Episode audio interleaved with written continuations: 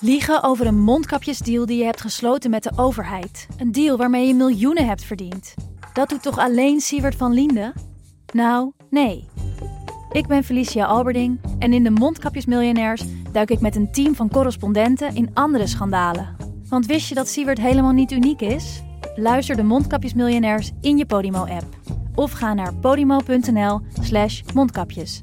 En probeer Podimo 30 dagen. podimo.nl slash mondkapjes. In de podcast Radio Romano met Noortje Veldhuizen Met Marcel van Roosmalen. En met Roelof de Vries. brengen we alle drie elke week een zogenaamde signalering mee. Wat heb jij nou weer bij je? En aan het eind bepalen we wie de winnaar van de week is. Echt een angstcultuur Lege huls die je er bent? Ja, dat gaat eigenlijk altijd onvriendelijk. Luister nu naar Radio Romano bij Podimo. Via podimo.nl slash Radio Romano luister je 30 dagen gratis. Die Partei, die Partei, die hat immer Recht und Genossen, es bleiben dabei. Denn wer kämpft für das Recht, der hat immer Recht gegen Lüge und Ausbeuterei. Wer das Leben beleidigt, ist dumm oder schlecht. Wer die Menschheit verteidigt, hat immer recht. So aus Leninschem Geist wächst von Stalin gespeist. Die Partei, die Partei, die Partei. Dit is Betrouwbare Bronnen met Jaap Jansen.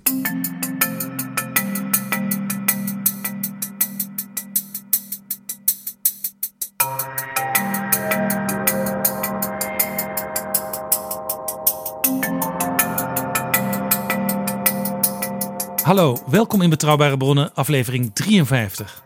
Ik ga zo praten met PG Kroeger over een merkwaardige gebeurtenis die deze week precies 30 jaar geleden plaatsvond.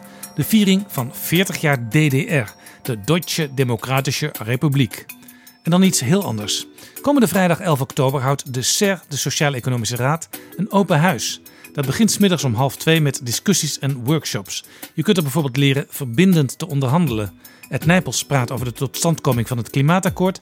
En het SER Jongerenplatform vertelt hoe jongeren meer invloed kunnen krijgen. PG en ik zijn er ook en nemen een aantal gesprekken op waar jij bij kunt zijn. Vrijdag 11 oktober. Je kunt je aanmelden via ser.nl slash openhuis.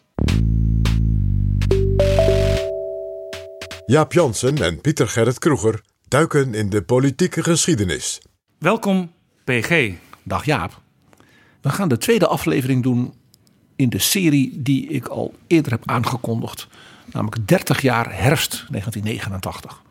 Ja, we begonnen natuurlijk dit tweede seizoen van Betrouwbare Bronnen om te praten over de zomer van 1989, wat er toen allemaal aan, in Europa aan de hand was. En dit is daar een eerste vervolg op. Precies. We hebben dus nu de periode gehad achter ons, weet je wel, met die grootste demonstratie uit de Europese geschiedenis. 650 kilometer lang mensenketen door de Baltische landen. Voor vrijheid en democratie. En voor hun eigen cultuur en hun eigen taal. En we zijn nu dus ja, in begin oktober. Dus letterlijk nu, 30 jaar geleden. En waar wil jij specifiek op focussen? op het enorme feest. Een enorm evenement, een groots nationaal jubileum. De 40ste verjaardag van de Duitse Democratische Republiek. De Duitse Democratische Republiek. Dat is 30 jaar geleden dat dus die staat dat jubileum vierde. En dat werd groots, groots gedaan. En die staat was precies een jaar daarna verdwenen. En wat nog mooier is, geen mens heeft een traan gelaten om het feit dat die staat er niet meer was. Dat is op zijn minst, hoe vaak kun je dat zeggen? Het land werd ver- verdween en niemand vond het erg. Maar op dat moment, en het werd gevierd op 7 oktober 1989, was er nog een groots staatsbanket. eh, enorme toestand op straat met allemaal internationale gasten. Een militaire parade met tanks, met raketten, met... Je, je, ja, je hoort me lachen. Je moet er niet aan denken nu. Want dat was dus ja, het Oostblok, hè, zoals men dat heette, van die tijd. In ja, optima forma. Wat wij nu alleen nog in Noord-Korea zien, dat was toen nog steeds aan de orde van de dag. Sterker nog, eh, de, het regime van Kim Il-sung heeft zich door, voor die parades die ze daar houden, laten inspireren. Dus door de DDR. Zoals ook de Stasi, de staatszekerheid van de DDR, de, de leermeesters waren van de geheime dienst van de familie Kim. En dus de, zeg maar, de regie van dat soort grootste dingen, dat, dat kwam dus uit Oost-Duitsland. Ja, en de DDR die afficheerde zich altijd als de antifascistische uh, democratische republiek. Maar ze hadden in feite heel veel elementen van nationaal socialisme gewoon gekopieerd. Het was natuurlijk een door en door vooral Stalinistische uh, samenleving. Uh, zij hebben ook zich ernstig verzet in 1956. toen dus Nikita Khrushchev als de nieuwe Sovjetleider dus openlijk bekend maakte dat Stalin dus een verschrikkelijke dictator en tiran was geweest. Die dus miljoenen mensen ja, in strafkampen en andere ergere dingen, zuiveringen, allemaal gewoon geëxecuteerd. De Gulag-archipel en dergelijke. Dus de dooi onder Khrushchev, daar was het regime van de DDR furieus op tegen. Ja, zelfs in de Nederlandse communistische partij, de CPN, eh, waren ze ook niet blij met de moderniseringen van uh, Khrushchev oftewel Khrushchev. Uh, want op de voorpagina van de waarheid stond op een bepaald moment Knoeishev. Exact. Dus er was binnen de communistische beweging in Europa, dus zowel in Oost-Europa als in West-Europa, dus helemaal geen grote support. Dus voor die wat meer openheid, wat meer transparantie die Khrushchev eh, probeerde. In het zuiden van Europa, Italië met name, had je het eurocommunisme. Dat was in de jaren zeventig hoor, dat was veel later. Dat was veel later, maar daar zag je ook dat er een soort ja, anti-orthodoxie plaatsvond. Terwijl sommigen juist uh, orthodoxer dan orthodox wilden zijn. Zoals de Spaanse en de Portugese communisten. we hebben het een tijdje geleden gehad over Mario Soares en zijn vrouw eh, Maria de Lourdes. hoe die moesten strijden als democratische socialisten tegen de communisten. Ja, DDR. Ja, door Konrad Adenauer ook wel eens vlijmscherp zoals hij was, Sovjet-Preußen genoemd. Sovjet-Pruisen. Nou, dan begrijp je het. is ook een beetje dubbel op, inderdaad. Inderdaad. Nou, dat jubileum was dus een enorm evenement. Alle leiders uit de communistische wereld en uit zeg maar, de linkse kant van de derde wereld. En alle bondgenoten natuurlijk, die kwamen. Met als belangrijkste gast natuurlijk de leider van allen, Mikhail Gorbachev, de baas in het Kremlin. Ja, die natuurlijk zelf al, maar daar zullen we het ongetwijfeld zo over hebben, een wat andere koers aan het varen was? Zeker. Maar wie er ook was en die deed dat helemaal niet, was iemand als Fidel Castro. Wie ook een enorme held was, die daar werd ontvangen, eh, was natuurlijk Yasser Arafat. De familie Kim. Eh, uit Noord-Korea? Ja, de oude heer Deng uit Peking was er niet. Want die reisde niet meer. Hij zei, ik ben nu te oud om te reizen. Maar de man die dus die onderdrukking had gedaan op het plein van de Hemelse Vrede, premier Li Pang, die was daar en werd dus toegejuicht, want ja, die deugde. Nou, je begrijpt, uh, als je naar de foto kijkt van de officiële uh, eregasten bij de parade, dan denk ik altijd, het is niet aardig van me, daar, daar staat voor ongeveer 200 miljoen aan doden. En daar kun je de gevangenis hier in Den Haag van het internationaal gerechtshof mee vullen. Met de militen die daar staan. Ook een Daniel Ortega uit Nicaragua. Uh, uh, nou ja, een hoop volk. De, de, de, leider, de verschrikkelijke, moordlustige leider uit Jemen. Uh, ze waren er allemaal. Dat is niet aardig, PG, om dat te zeggen van een familiefoto. Precies. Guten Tag, verehrte Zuschauer aus der Berliner Karl-Marx-Allee. Die zehnte Stunde vollendet dieser 7. Oktober den wir Bürger der Deutschen Demokratischen Republik auf vielfältige Weise begehen werden. Bei Volksfesten zum Beispiel oder auch im Kreis der Familie. Die offiziellen Veranstaltungen dieses Tages beginnen mit großem militärischen Zeremoniell. Mit der Ehrenparade der Nationalen Volksarmee und der Grenztruppen, an der Erich Honecker, Generalsekretär des ZK der SED und Vorsitzender des Staatsrates der DDR, teilnimmt. Gemeinsam mit weiteren Mitgliedern der Partei- und Staatsführung und mit namhaften Gästen aus aller Welt. Dit feest was natuurlijk heel gedetailleerd voorbereid. Alles tot in de puntjes uh, gedaan. Een reusachtige militaire parade. En een, wat in de DDR gebruik was, dan kwam na die militaire parade het volk. Dat waren de zogenaamde kampfgroepen, het woord alleen al, strijdgroepen van de staatsbedrijven. Die hadden dus allemaal hun eigen, in feite, leger dat kunnen wij al snel niet denken. Dus Philips en uh, Shell, eh, dat die hun eigen leger hebben van de staat. Dat was ook bedoeld om de discipline binnen de, de arbeiders uh, te bewaken. Kampfgroepen. Kampfgroepen, jazeker. En natuurlijk een enthousiaste uh, tienduizenden jongeren van de Vrije Deutsche Jugend, de jeugdafdeling van de communistische partij. FDJ. De FDJ. Herkenbaar aan hun blauwe overhemden en hun rode dassen. Precies. De grap altijd, hè? ze waren niet vrij, ze waren niet Duits en ze waren ook niet Jugend. Want er zaten ook types van 38, 39, 40 in. Dat was het Centraal Comité van de Vrije Deutsche Jugend. Ja. Im Betrieb. FDJ. Auf dem Land. FDJ. Überall. FDJ. Riecht den Sozialismus Bahn. Ja, sie ist Gott richtig, die freie deutsche Jugend. Richtig, richtig, richtig, allemaal. Nou, de gastheer was natuurlijk Erich Honecker, de chef van de partij. Ja, als je hem ziet, uh, dan denk je dat is een soort uh, kantoorbediende of drogist. Hij heeft een, een beetje een raar piepstemmetje. Ja, en uh, interessant. Hij is al een keer eerder langsgekomen in Betrouwbare Bronnen. Toen wij met Peter Altmaier het hadden over het Saarland. Want Erich Honecker was een van die vele opmerkelijke Duitse politici uit het Saarland. Die heeft in de nazi-tijd dus in de gevangenis gezeten. Is nooit in een concentratiekamp geweest. Ook niet gemarteld.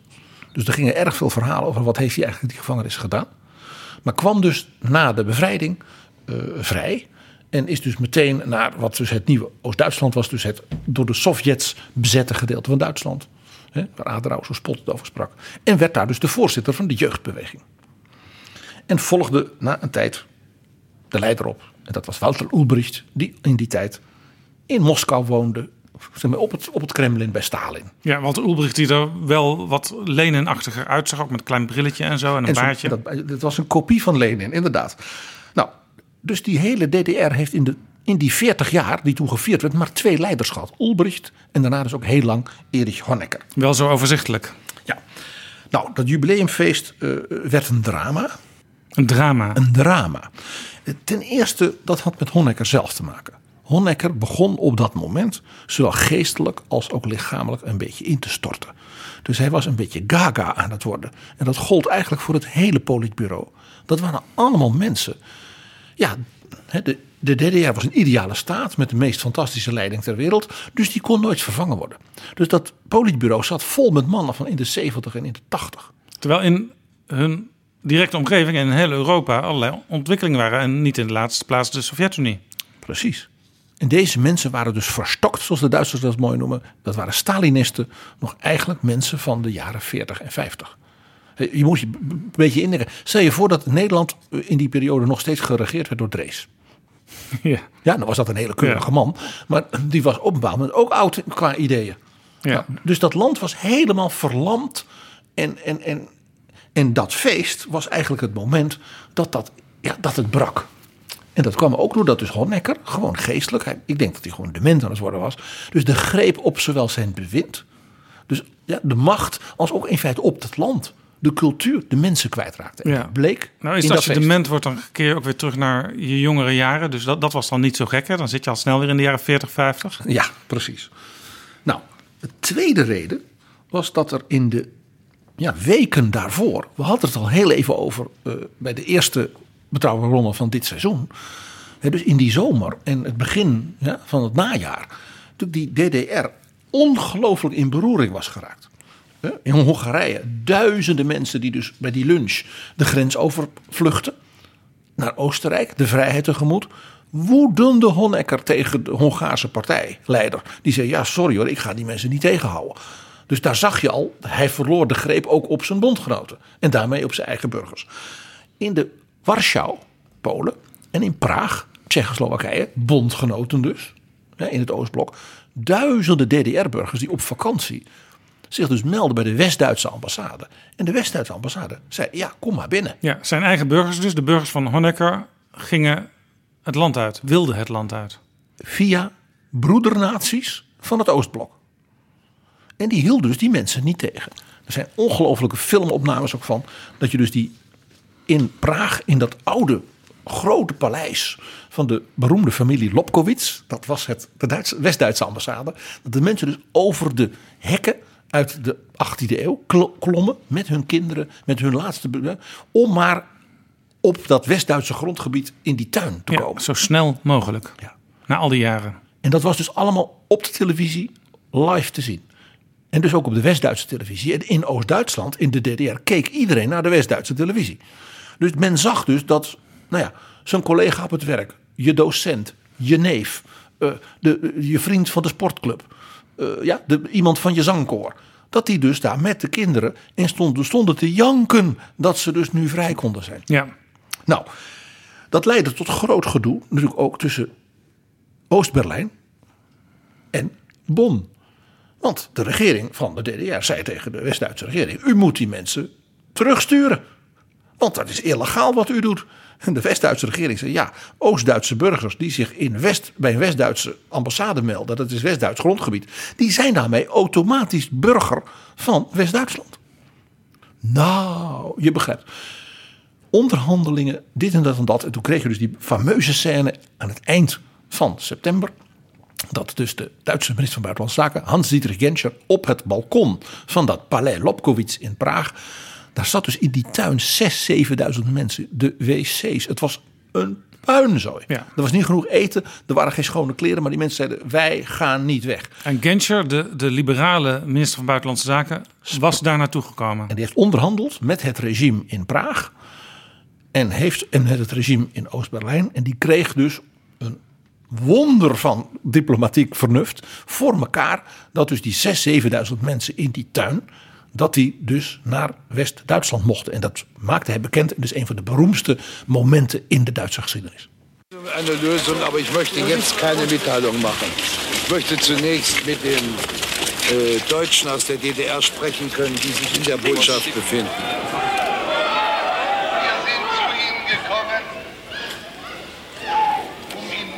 mitteilen, dass heute Ihre Ausreise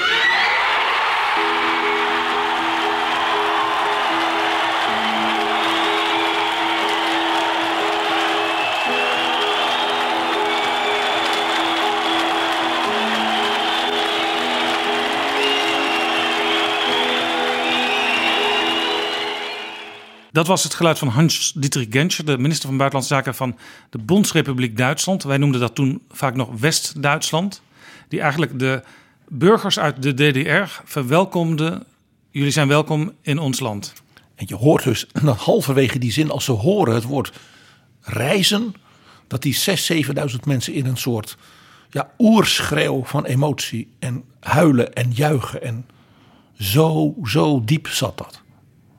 En dat was ook zo'n dictatuur was die DDR. Ja, en in die context werd dus gevierd het 40 jaar bestaan van de Duitse Democratische Republiek.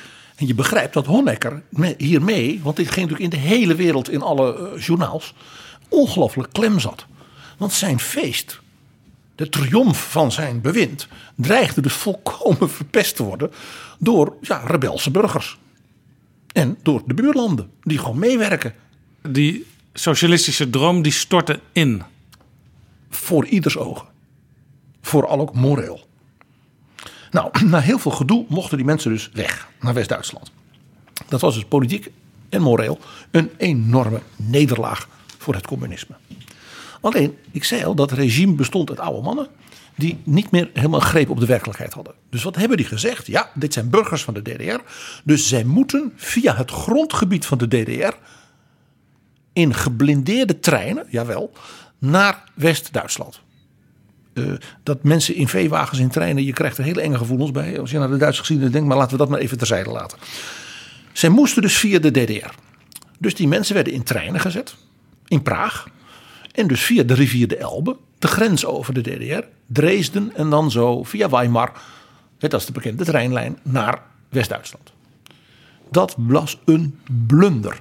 Want wat gebeurde er in Dresden? Daar stonden tienduizenden DDR-burgers met rugzakken en alles. En die wilden het station, het hoofdbaanhoofd, bestormen om die trein tegen te houden dat ze mee konden. Ja, logische gedachte. Nou ja, wanhoop. Uh, uh, ook ongelooflijk moedig van die mensen. Ze dachten, ik heb niks meer te verliezen. Ik pak een paar spullen in mijn rugzak en ik ga naar het westen. Zo was het.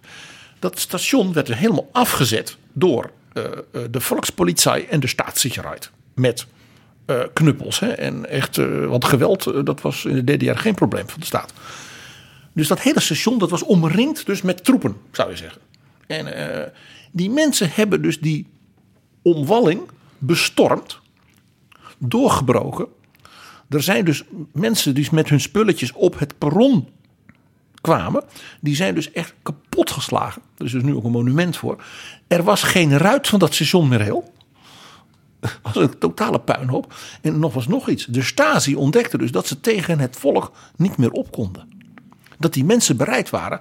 Gewoon, nou ja, dan krijg ik maar een nemen dreun op mijn kop. Ik wil naar de vrijheid. Ja, hun geest was vrij geworden. De geest was uit de fles in de DDR. Ja.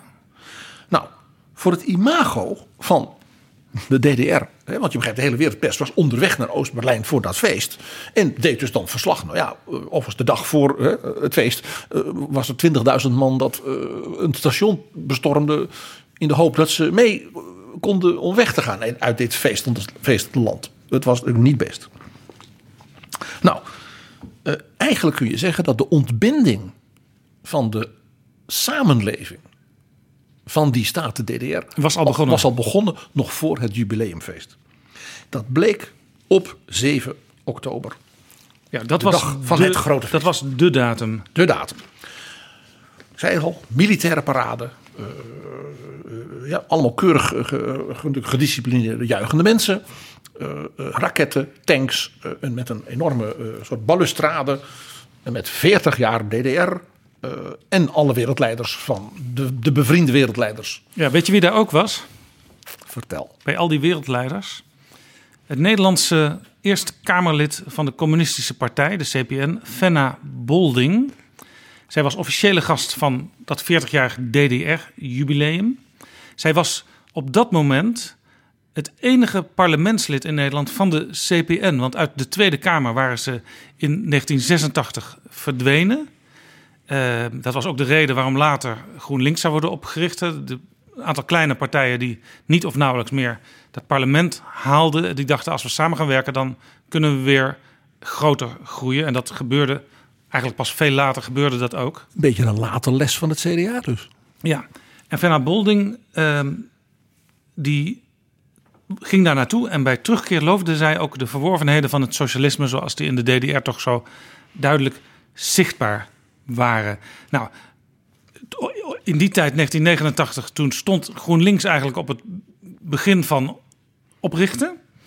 Eh, en andere partijen eh, die GroenLinks zouden vormen, die waren helemaal niet blij mee. De PPR bijvoorbeeld, die zei ja, als je naar de DDR gaat, dan moet je toch allereerst met de oppositie gaan praten en niet meteen enkele reis Erik Honecker boeken. Eh, en uit de PSP had je toen André van S. Zij werd ook een van de lijsttrekkers van dat nieuwe GroenLinks. En ook zij was in de DDR geweest, maar ook zij had daar de oppositie bezocht. Dus zo onder dat gesternte vond eigenlijk de oprichting van GroenLinks plaats met die mevrouw Bolding van de CPN daar op bezoek. Ik kan me eerst voorstellen, ik heb, ik heb André van S ook wel eens gesproken. Eh, dat was een echt oprechte eh, pacifist.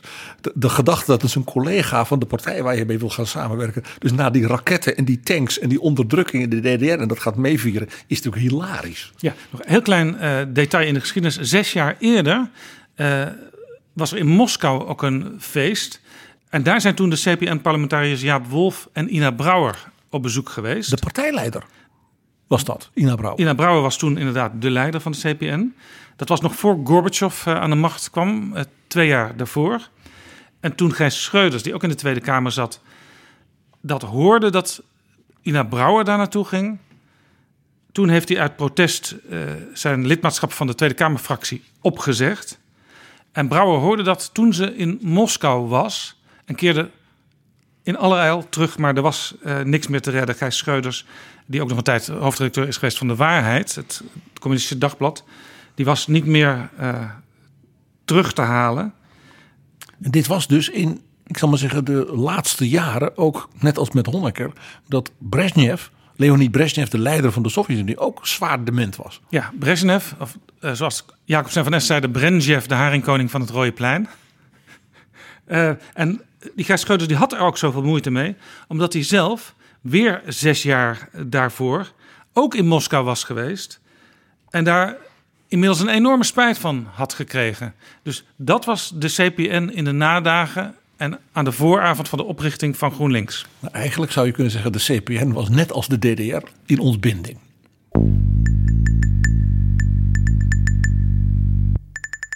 Dit is Betrouwbare Bronnen, een podcast met betrouwbare bronnen. Je begrijpt, na die enorme uh, parade en dat gejuich was er natuurlijk een banket. Dat was in het Palast der Republiek in Oost-Berlijn.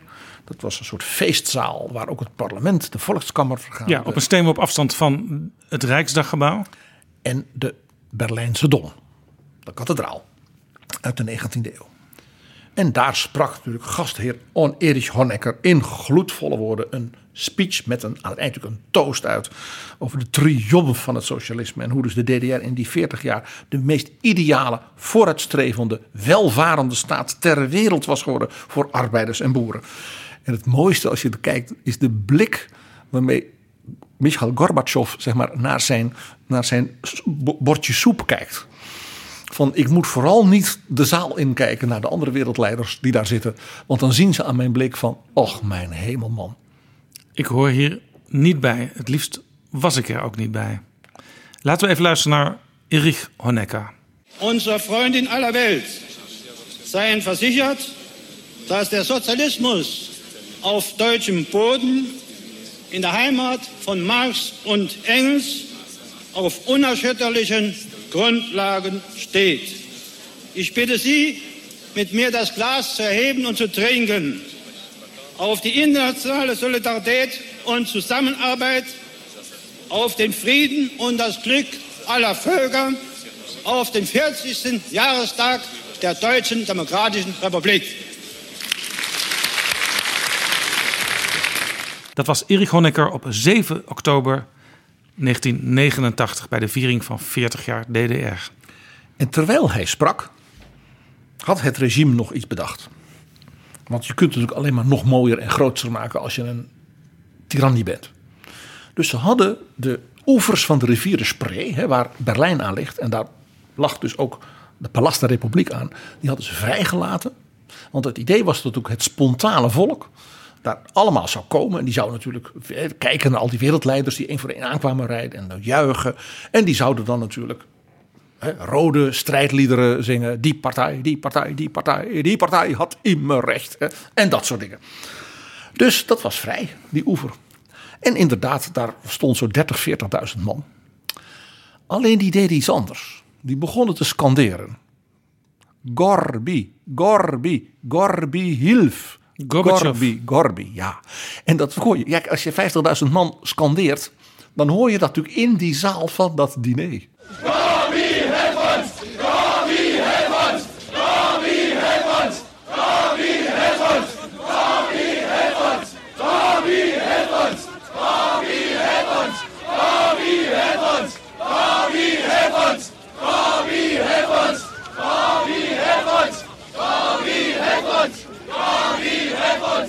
Dus wat bleek, het volk van de DDR was inderdaad spontaan aan het juichen voor glasnost, voor perestroika, voor dus de hervormingen van Gorbachev. Tijdens het diner, ik zal maar zeggen, toen het hoofdgerecht eh, geserveerd werd, vertrok uit ze de eretafel van het Centraal Comité Erich Milke, een bijna 80-jarige communist, de chef van de Stasi, de beruchte staatssicherheid. En die ging naar zijn hoofdkantoor om de repressie op straat in Berlijn te gaan organiseren. Hij ging dus gewoon van tafel. Iedereen zag, hé, hey, die meneer Mielke die vertrekt. Ja. Wat is er aan de hand? Nou, wat was er aan de hand? In de, in de hele binnenstad van Oost-Berlijn waren dus op straat demonstraties gaande van mensen die dus ook Gorbi, Gorbi riepen. En wir wollen Freiheit. En reizevrijheid vooral. We willen net als die mensen die nu die met die treinen weg mochten, dat willen wij ook. Vrije walen ohne falsche zahlen. Juist. Wat ik eerder vertelde over de, het bedrog bij de gemeenteraadsverkiezingen, waarmee het begon. Dat was hier als het ware het vervolg op. Wat bleek nu? Ja, die Stasi was natuurlijk goed georganiseerd. Dat, dat mogen duidelijk zijn. In de binnenstad van Oost-Berlijn had Mielke zo'n 20.000 Stasi-medewerkers, dus als stillen, dus in burger, zich laten mengen onder de demonstranten. Gewoon in grijze DDR-jekjes. Ja. En die kregen dus bevel om over te gaan tot actie. En die bleken dus allemaal honkbalknuppels en dat soort dingen. En die zijn als een beest gaan meppen op die mensen. Bejaarden, studenten, scholieren. Uh, ja.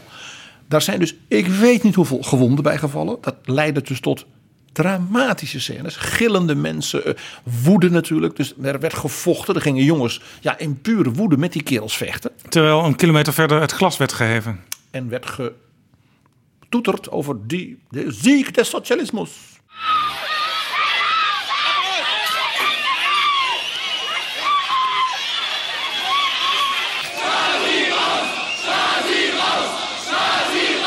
De DDR op die avond, de 7e oktober, het grote feest. Aan tafel zat Erich Honecker met alle groten der aarde uit het socialistisch slash dictatoriale kamp. En ook aan tafel, ergens aan het eind waarschijnlijk, Fenna Bolding, CPN Eerste Kamerlid. En ondertussen gebeurde dus wat we net hoorden op straat. Mensen dus in elkaar werden getrimd. Er zijn duizenden van die demonstranten afgevoerd in boevenwagens naar de grens van de stad Oost-Berlijn. Waar natuurlijk ja, strafkampen waren. Uh, die kwamen dan zeg maar, twee dagen later thuis. Ze hadden geen tand meer in hun monden. Het was een verschrikking. Dit feest van het regime werd dus een ongekende blunder op ja, wereldschaal. Want hier werd natuurlijk in de hele wereld werd dit vertoond. Men viert zichzelf en het volk keert zich ja, in wanhoop af van het regime. En smeekt de leider uit het Kremlin, Gorby Hilf, om geef ons iets van vrijheid. En in, die, zelf in, in dat jaar 1989 waren natuurlijk ook enorm veel internationale cameraploegen naar Berlijn afgereisd. Ze waren allemaal uitgenodigd. En zeker de Duitse televisie, eh, de West-Duitse televisie, was natuurlijk, je begrijpt, de, de televisie van Hamburg en van Hessen. En die waren er ook allemaal. Met tientallen uh, uh, reportages. Dus niets bleef ongezien. Nee. Je wat ik al zei, Honecker was dus helemaal ja, verstokt en de greep op de werkelijkheid kwijt. Die dacht dus echt, het wordt een triomf. Er was één iemand die dit van tevoren wist, dat dit zou gebeuren. En dat was Mikhail Gorbachev. Die kwam aan op het vliegveld Schöneveld je kent hoe dat gaat, hè? dus gekust door Honecker, want dat deden ze in, de, in het Oostblok. Een beetje à la Jean-Claude Juncker? Een beetje à la Jean-Claude Juncker, zo is het. Toch nog één elementje uit het verleden meegenomen naar de nieuwe tijd? Jean-Claude Juncker is natuurlijk uit Luxemburg en dat is natuurlijk het buurland van Saarland, waar Honecker vandaan komt. Ach ja. Nou, en die werd ook ontvangen op het hoofdkantoor van de partij. En er was natuurlijk een vergadering van het Centraal Comité van de DDR. En dat was een feestelijke vergadering met Gorbachev en zijn staf.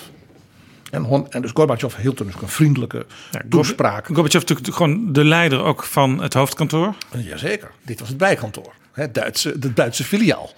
Sovjet-Preußen, zoals Adenauer zo mooi zei. En die hield dus een vriendelijk toespraakje. Gelukwensen aan het volk van de DDR. Eh, opbouw van het socialisme uit de ruïnes uh, van, van de Tweede Wereldoorlog. En dit is allemaal prachtig. En die zegt dus van. En de wereld is natuurlijk anders dan 40 jaar geleden. Hè, dus wij staan nu voor een nieuwe tijd. En we gaan dus ook samen hè, als progressieve naties. Uh, die nieuwe tijd in. Met meer mogelijkheden voor mensen. En die hield dus op die manier een soort praatje ten gunste van zijn perestroika. Ja, eigenlijk om de, de, de apparatchiks daar aan tafel te laten weten... Uh, jongens, wees nou verstandig en buig nou mee met de ontwikkeling van de tijd. En toen kreeg Honecker het woord. En die zei, de DDR is natuurlijk het grootste succes van de Duitse geschiedenis. Het antifascistische bolwerk. En nog nooit hebben de Duitsers het zo goed gehad als de bevolking van de DDR. En hij liet zijn chef van de economie, dus een soort presentatie doen van de economische successen van de DDR. En dat was natuurlijk bedoeld als vernedering van Mikhail Gorbachev. Want de Sovjet-Unie was natuurlijk economisch een ramp. En daarom moest hij allemaal van die vreselijke dingen doen. En hè, proberen leningen te krijgen van kool. En, hè, wat natuurlijk in eerste instantie ook zo was. Want ja, dat, dat hele economische systeem van het communisme werd omgegooid. Nou ja, geen wonder dat er problemen ontstaan. Geen wonder dat er in Polen, door, de, door de, al die katholieke arbeiders aangemoederd door de paus, een vakbond was opgericht voor een vrije vakbond. Nou, daar moest natuurlijk Honecker allemaal niets van hebben. En die zei dus: kijk eens wat wij allemaal hebben bereikt. Zoveel honderdduizend huizen gebouwd voor de arbeiders. En wij hebben de eerste computerchip van 1 gigabyte. En dat is een product van de DDR. Dus ga ons niet vertellen hoe je de economie moet vernieuwen. Wij kunnen dat. De Wereldbank in Washington heeft de DDR bij de rankings gezegd... is de vijftiende industrienatie qua productiviteit en productie ter wereld. En dus het werd Gorbachev echt onder de neus gewreven. Jij bent de baas van een derde wereldland. Jullie kunnen je eigen bevolking niet eens voeden. Consumentenartikelen, schoenen en dingen voor, voor, voor kleuters... zijn er in Moskou niet in de, in de winkels. Wie denk jij wel dat je bent? En er kwam nog iets bij. Het was Honecker geweest die in juni, dus vlak voor dit jubileum, een speciale delegatie had laten gaan naar Peking, naar Beijing. Om Deng Xiaoping te feliciteren met de manier waarop hij dus die studenten op het plein van de Hemelse Vrede had schoongeveegd. Met waarschijnlijk 2.000, 3.000 doden. Zo doe je dat. Niks glasnost, de knoet. Gorbachev heeft dat later ook verteld. De mensen met hem hebben dit gewoon detail verteld, deze confrontatie. Dit was een epische confrontatie. De wereldgeschiedenis. Ja. Dat hij mismoedig het hoofd schudde, wat Gorbachev bij onderhandelingen, wat de Reagan ook vaak deed. Van ach, ach, ach, weet je wel zo. En dit was dus allemaal achter gesloten deuren. Hè? dit was niet een openbaar deel van het feest. Dit was de leiding van de DDR en de leiding van de toenmalige Sovjet-Unie. De chef. Onder elkaar. Ja. En toen heeft hij gezegd van ja, ik zit in het Kremlin, oftewel ik ben jullie chef. En ik moet de feiten onder ogen zien van de situatie in de wereld. Zowel dus binnen ons Oostblok en Warschau-pact als daarbuiten. En ik wil dat wij dus uh, geen atoomoorlog hebben. Ik wil vrede, zodat we ons kunnen ontwikkelen economisch, zodat onze bevolking het ook beter krijgt. En ik raad de DDR-leiding aan om ook zo naar de realiteit te kijken. Je begrijpt, een versteende blik. En toen zei hij een zin die de wereldgeschiedenis ingooit. Zei hij, u kent misschien de regel van die dichter. Dat was een Russische dichter. Wie te laat komt, bestraft het leven. Van dat moment zelf is uiteraard geen opname. Hoewel de Stasi waarschijnlijk daar nog wel ergens banden van heeft liggen. Ik denk het, ik weet het wel zeker, ja. ja. Maar Gorbachev heeft er uiteraard later wel in terugblikken over gesproken. Laten we even luisteren. Am Abend zuvor hatte ich drei Stunden lang mit Honecker gesprochen. Ich hatte den Eindruck, dass er die Lage nicht mehr richtig einschätzen konnte. Er war verloren. Dat was Mikhail Gorbachev over dat hele spannende en ook heel tragische moment in de geschiedenis van de DDR. 40 jaar op het punt van instorten, maar de leiding had het niet door. Het is dus ook een tragisch moment in de geschiedenis van Gorbachev zelf, als man die probeerde dat communistische deel van de wereld te hervormen en mee te krijgen, zodat ze ja, ja, kans op uh, voortzetting in de toekomst hadden. En nou ja, we weten dat is dus niet gebeurd. Dus die uitspraak, wie te laat komt bestraft het leven, was profetisch. Dat is het enige woord wat je kan zeggen. Een jaar na dit gesprek bestond de DDR niet meer. Ja, ik heb overigens wel eens de vertaling gehoord: wie te laat komt, wordt gestraft door de geschiedenis. Is ook heel mooi. Maar het is natuurlijk een vertaling, uh, waarschijnlijk uit het Russisch naar het Duits, naar het Nederlands. Zo is het. Nou, wat gebeurde er in de dagen daarna? De dag na het feest, dus 8 oktober, waren er in alle grote steden van de DDR dus demonstraties. Want de mensen hadden natuurlijk via de Duitse televisie gezien wat er gebeurd was op straat in Oost-Berlijn. Dus ook in Halle, in Leipzig en in Dresden en eh, Magdeburg gingen de mensen de straat op. En de Stasi dacht, we gaan even het Chinese voorbeeld. Ze hebben dus gemapt. Duizenden gewonden. Uh, mensen opgepakt. Uh, nou. En het was dus eigenlijk ook, zou je kunnen zeggen, voor het eerst de, de, de Oost-Duitsers keken natuurlijk ook wel naar de West-Duitse televisie. Maar Allemaal. voor het eerst dat er echt ongefilterd doorkwam hoe ellendig het eigen land eraan toe was. In hoe de burgers werden vertrapt. En hoe burgers bereid waren om inderdaad het risico te nemen van ik wil hier weg, ik wil of een andere DDR, een demo, echt democratisch land. Of gewoon naar de buren. Asielzoeker worden. Duitsland. Ja, een asielzoeker worden in West-Duitsland. En tegelijkertijd konden ze zien hoe de Stasi erop losmepte. Ja. En kijk, ze hadden natuurlijk dat die loftuitingen voor Deng Xiaoping. Die waren natuurlijk vooral een boodschap voor in de DDR zelf. u beseft dat wij geen enkel middel zullen schuwen. Dat moet je even. Hè, dus de, het voorbeeld was dus Deng Xiaoping, niet Mikhail Gorbachev. 11 oktober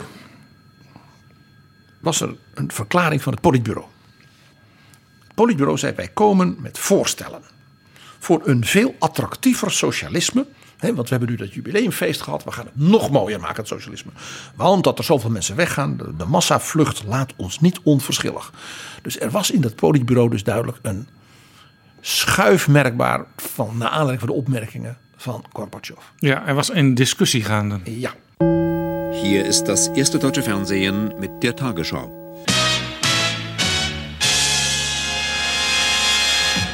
Guten Abend, meine Damen und Herren. Angesichts der jüngsten Massenproteste denkt die DDR-Führung jetzt offensichtlich über Kurskorrekturen nach. Zwei Tage beriet in Ostberlin das SED-Politbüro in einem erweiterten Kreis über die brisante Lage. In der Krisensitzung soll Staats- und Parteichef Honecker einen schwierigen Stand gehabt haben.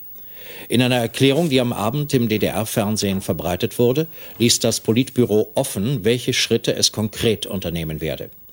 Die politische Führung der DDR zeigte sich betroffen von der Fluchtwelle und versprach, gemeinsam nach den Ursachen zu suchen. Mit keinem Wort ging die Erklärung auf die Oppositionsbewegung ein. Kurt Hager, Chefideologe der Partei und seit 1963 Mitglied des Politbüros, wurde heute im staatlichen Rundfunk mit weiterreichenden Äußerungen zitiert. Einer sowjetischen Wochenzeitung soll Hager jüngst gesagt haben, Aufgabe der allernächsten Zeit werde es sein, eine präzise Konzeption für die Verwirklichung erforderlicher Erneuerungen zu erarbeiten. Precies een week later, 18 oktober, vroeg Erich Honecker om ontslag vanwege zijn gezondheid. En stemde met heel het Centraal Comité mee voor zijn eigen ontslag. Want ja, je bent altijd unaniem als Centraal Comité. En droeg voor en kreeg een opvolger. De nieuwe leider van de DDR was Egon Krenz. Dat was een man van, ik denk een jaar of veertig. En die was dus net afgetreden als voorzitter van de jongerenbeweging, de FDJ. En heel de DDR, iedere burger in de DDR, veel meer dan in het Westen, wist het is over met de DDR. Dit is het einde. Want men kende Egon Krenz ook al heel lang. Zijn bijnaam was Das Grinsende Niets. Het, grijns, het grijnzende nul. Eh, de man was een alcoholist. Het was een erkend en fameus rokkenjager. En de Stasi had hem dus volledig in de greep. Er hadden allemaal foto's van hem met eh, nou ja, jonge meisjes, zullen we maar zeggen.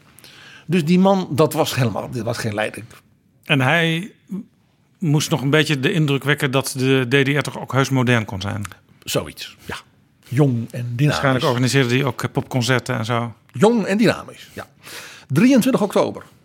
De eerste grote demonstratie in de stad Leipzig. Want dat is de, het hart geweest van eh, zeg maar, het verzet. 300.000 mensen de straat op. In een communistisch land waar niets georganiseerd kon worden buiten de staat om. 300.000 mensen. 24 oktober. De verkiezing in de Volkskammer, het parlement, van de nieuwe regeringsleider. En dat was natuurlijk Egon Krenz. Voor het eerst in de geschiedenis van de DDR waren er mensen die openlijk tegenstemden of zich van stemming onthielden. In de Volkskammer. In de Volkskammer. Waar altijd alles unaniem gebeurde. Je zag die staat letterlijk in elkaar storten. 27 oktober. Krenz denkt, ik ga vlucht naar voren doen. Altijd slim. Dus het politbureau maakt bekend dat iedereen die gevlucht was... en misschien bijvoorbeeld weer terug wilde voor familiebezoek... dan wel de demonstranten die dus al die, de, de, de tanden uit de mond geslagen waren... dat die kregen amnestie. Wat een gunst. Ja, zand erover, alles vergeven. Ja. En we gaan weer door. 30 oktober. Nog meer demonstraties in de hele DDR. 200.000, 300.000 in Leipzig. In totaal 400.000 overal. Het was dus niet meer te houden. De volgende dag is Egon Krenz op bezoek in het Kremlin. 31 oktober. 31 oktober. Hervormingsdag, zeggen we- de mensen hè, die de Duitse geschiedenis kennen. Luther. De hervormingsdag. Nou, Mooie datum. Ja, dus je denkt dat is dus het moment voor hem om tegen Gorbachev te zeggen: wij reiken elkaar de hand, wij gaan samen ja, iets moois maken van een nieuwe DDR met glasnost, met perestroika en jij bent onze ja, geestelijk leidsman daarbij. Eh, nee, hij heeft daar een persconferentie gegeven in het Kremlin. Dat was ook een enorme eer hè, voor zo'n nieuwe DDR-leider. Dat was ook een poging van Gorbachev zijn vertrouwen hè, te schenken aan de partij. In de hoop dat dat. En hij heeft toen gezegd: nee, wij wij gaan natuurlijk in de DDR niet zoiets liberaal kapitalistisch doorvoeren als een meerpartijensysteem. Dat hebben we al, want in het Nationale Front zit de Socialistische Partij met de Liberale Partij, met de Christendemocratische Partij, de zogenaamde blokfleuten. Boerenpartij. Precies. En die, die, die, die zijn altijd eensgezind, want het volk, de arbeiders en de boeren van de DDR zijn eensgezind. Ja, want er is maar één waarheid en dat is de objectieve waarheid. Precies. En die leidt tot het socialisme en dat hebben wij al voor een groot deel verwezenlijkt. Want wij lopen helemaal voorop. We gaan dus niet van die rare dingen doen als in Polen, waar je dan zomaar een katholieke vakbond en die rare paus. Nee. Boodschap 1. Twee werd hem gevraagd. Als nou de bevolking van de DDR. Moet u niet gewoon eens gaan praten, ook met Helmut Kool en zo. Over een gezamenlijk Duitse. Dat is een fascistisch idee. Nooit een wiedervereinigung. Dat is schandelijk dat u daarover begint. Dit was de laatste dag van de maand oktober van 1989. De leider van de DDR zei nooit democratie en nooit wiedervereinigung ik zou bijna zeggen Jaap, tot de volgende aflevering hè, over die maand november. En laten we eindigen met een klein stukje muziek. Het volkslied van de DDR. Daar is iets heel bijzonders mee. Dat is, ik zeg het maar ronduit, het mooiste volkslied dat Europa kende. Het was een compositie van na de Tweede Wereldoorlog natuurlijk van de grote componist Hans Eisler. Een vriend van Bertolt Brecht en Kurt Weiler. De tekst was gemaakt door de dichter Johannes Becher, de minister van Cultuur van de DDR. En die tekst is heel mooi. Auferstanden aus Ruinen und die Zukunft zugewandt. Opgestaan uit ruïnes met de blik naar de toekomst.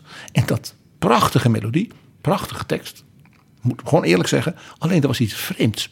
De DDR heeft de tekst van zijn eigen volkslied verboden. Het is het enige land in de wereld. Oh. Want dat eindigt, het toekomst zugewand. En wat is de laatste dichtregel? Duitsland, einig Vaterland. En omdat dus na de dood van Stalin men geen wiedervereinigung meer als tactiek of strategie had, mocht de bevolking zijn eigen volkslied niet zingen. Dat werd ook verboden. En dus de kinderen leerden dus niet meer op school. Dus geen Buma in de DDR. En dus op die Olympische Spelen, als dan allemaal van die, die, die, die, van die, die turnsters, die wonnen dan, weet je wel, weer een gouden medaille. En dan speelden ze dus de muziek van IJsland. En dan zag je die mensen dus met een stalen blik voor zich uitkijken en niet het volkslied meezingen. Want ze kenden die tekst niet, die was verboden. En je zou bijna de, de tekst van dat volkslied nu weer gewoon kunnen zingen voor het nieuwe Duitsland. Het is een prachtige tekst. Hoewel het nieuwe Duitsland zou nu denk ik ook wel een, een strofe aan de Europese samenwerking wijden, denk ik. Ja, maar echt, het is, dus, het is, een van de, een, het is een hele mooie tekst en de melodie is prachtig. Laten we naar luisteren en dan dragen we dat op aan Fenna Bolding.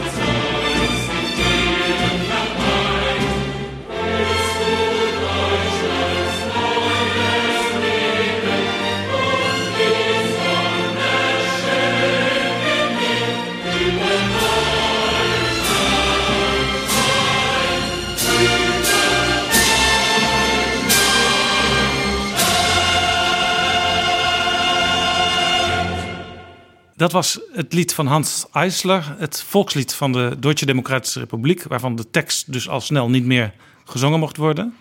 Ik dank je wel voor dit prachtige gesprek, PG. Graag gedaan, Jaap.